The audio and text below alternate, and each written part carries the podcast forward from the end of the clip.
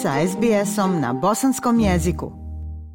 Aisha, pozdrav tebi i slušateljima SBS radija. Evo nekih od događaja koji su obilježili i proteklu sedmicu. U prvom redu, ono što je u ovom trenutku najvažnije jeste da je Dom naroda Parlamentarne skupštine Bosne i Hercegovine na vanrednoj sjednici 16. februara usvojio zakon o sprečavanju pranja novca i finansiranja terorističkih aktivnosti. Radi se o jednom od tri uvjeta koje je pred vlasti Bosne i Hercegovine po postavila Evropska komisija e, sa ciljem davanja zelenog svjetla za preporuku o otvaranju pregovora Bosne i Hercegovine sa Evropskom unijom u martu ove godine. Inače, ovaj zakon je ranije po hitnoj proceduri usvojen u predstavničkom domu e, Parlamentarne skupštine Bosne i Hercegovine, ali je njegovo usvajanje osporavano od delegata srpskog naroda u Domu naroda parlamenta Bosne i Hercegovine. Bio je to i razlog dodatnog usaglašavanja kolegija oba doma parlamentarne skupštine, nakon čega je ponovo upućen u Dom naroda na razmatranje i usvajanje po hitnoj proceduri. Ovaj e, zakon o sprečavanju pranja novca i finansiranju terorističkih aktivnosti predstavlja bez sumnje jedan od prioriteta koje su vlasti Bosne i Hercegovine trebali ispuniti jednako tako uz zakon o sprečavanju sukoba interesa u institucijama BiH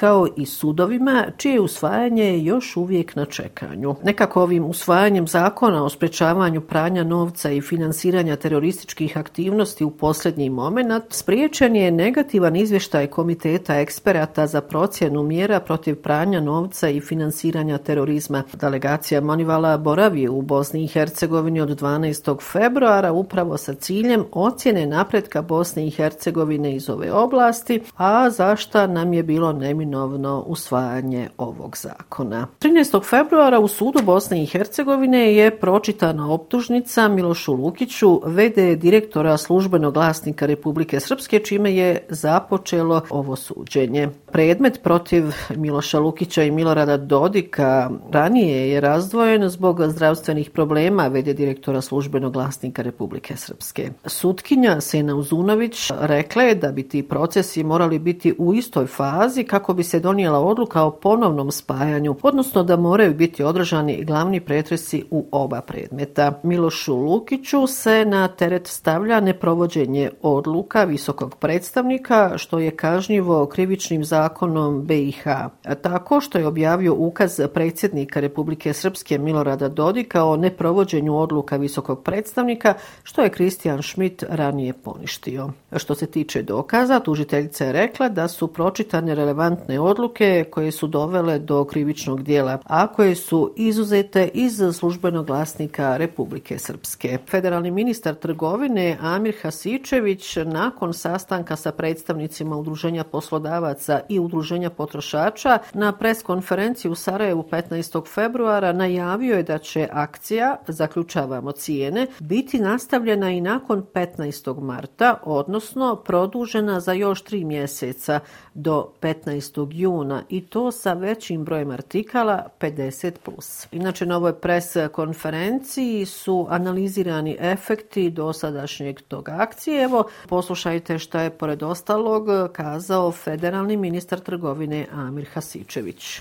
Završili smo još jedan uspješan sastanak u ovoj grupi, radnoj grupi koja je već neko vrijeme aktivna, a vezana je za projekat zaključane cijene. Ono što su osnovne teme bile jesu da smo evaluirali dosadašnji postupak i ocijenili smo ovu akciju vrlo uspješnom obzirom da smo uspjeli da u ovoj akciji animiramo domaće proizvođače, prije svega premjerne industrije, koji su evo između ostalog dali taj svoj pozitivan stav na ovu akciju. Između ostalog imali smo ovdje i predstavnike te velikih trgovačkih lanaca koji posluju i mimo teritorije Bosne i Hercegovine. Ono što smo danas najavili i što smo se preliminarno dogovorili da idemo nastavljati ovu akciju. Kao što znate, ova akcija je do 15.3. planirana, međutim ona ide dalje još tri mjeseca, što bi to značilo od 15.3. do 15.6. Danas smo razgovarali 50 i nešto više artikala. Zajedno sa udruženjem potrošača imali smo naravno i loše i dobre strane koje smo ovdje iskomunicirali. Jedna od tih naših budućih aktivnosti jeste bolje prepoznavanje ove akcije na tržištu, odnosno bilo je nekakvih nejasnoća u pronalasku, u markiranju, u označavanju, ali evo dogovorili smo se što u buduće biti jedan standardizovan proces i nadamo se uspješnoj saradnji i dalje.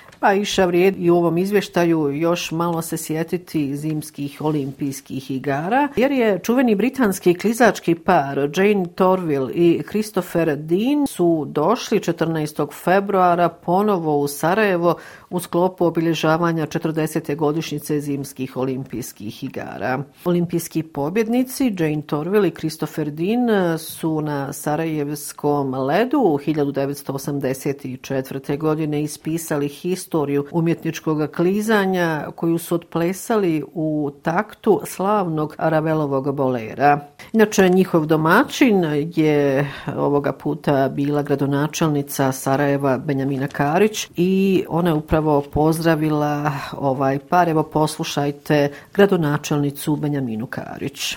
14. februar je po mnogo čemu poseban za naše Sarajevo. Na današnji dan, tokom zimskih olimpijskih igara, naši torbeli Din otklizali su fantastični bolero. Sve Sarajke i Sarajlije, Evropljani i čitav svijet uživali su u najboljoj izvedbi zimskih olimpijskih igara. Ponosni smo što je upravo na današnji dan i naš Jure Franko dobio svoje srebro prilikom skijaškog takmičenja. Danas oživljavamo samo najljepše emocije i zaista smo počašćeni što su naši Torveli Din u Sarajevu. Christopher Dean i Jane Torville su na ovoj preskonferenciji izrazili zadovoljstvo zbog ponovnog dolaska u Sarajevo. Jane Torville je rekla da bi bilo lijepo vratiti se u glavni grad Bosne i Hercegovine za deset godina, a Christopher Dean je izjavio da zbog tople dobrodošlice Sarajevo doživljavaju kao drugi dom. Evo poslušajte riječi britanskog klizača Christophera Dina. Osjetili smo takvu dobrodošlicu su ovdje, kao da je ovo drugi dom za nas. Sarajevo je bilo toliko dijelom našeg života i ko bi zamislio da ćemo ponovo biti ovdje nakon 40 godina i slaviti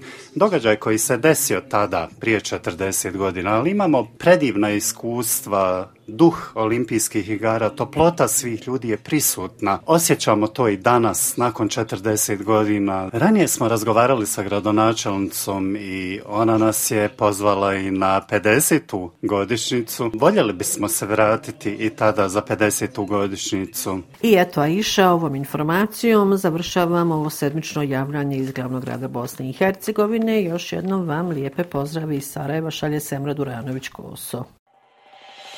SBS na bosanskom. Podijelite naše priče preko Facebooka. Želite poslušati još ovakvih priča?